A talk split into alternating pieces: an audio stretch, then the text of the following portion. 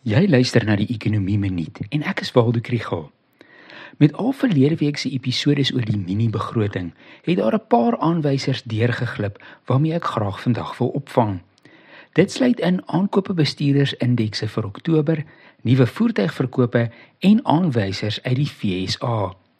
Hierdie episode word ondersteun deur die Buro vir Ekonomiese Onderzoek in Stellenbosch en die NWI Sakeskool. Absa en die Buro se aankope bestuurdersindeks fokus op die vervaardigingssektor en dit het in Oktober verder afgeneem tot 45,4 punte. Die besigheidsaktiwiteit SIP indeks het skerp afgeneem en die nuwe verkope SIP indeks lê onder 40 punte. Absa se ekonome skryf dit toe aan hoë pryse en rentekoerse wat die vraag na vervaardigde produkte demp.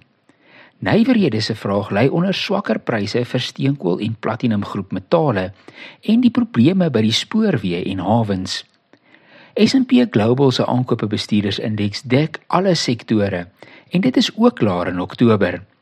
Besigheidsaktiwiteit is laer en dit word toegeskryf aan die brandstofprysverhoging in Oktober maand en gedempte binnelandse vraag.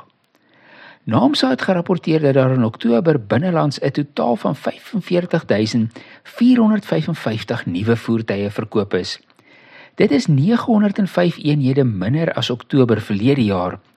Uitvoer was 11400 eenhede meer. Maar dit is omdat die vergelykingsbasis van Oktober verlede jaar die 2022 staking by Transnet insluit. In die FSA het hulle minder werk geskep as wat verwag is, maar die ekonomie daar groei nog sterk.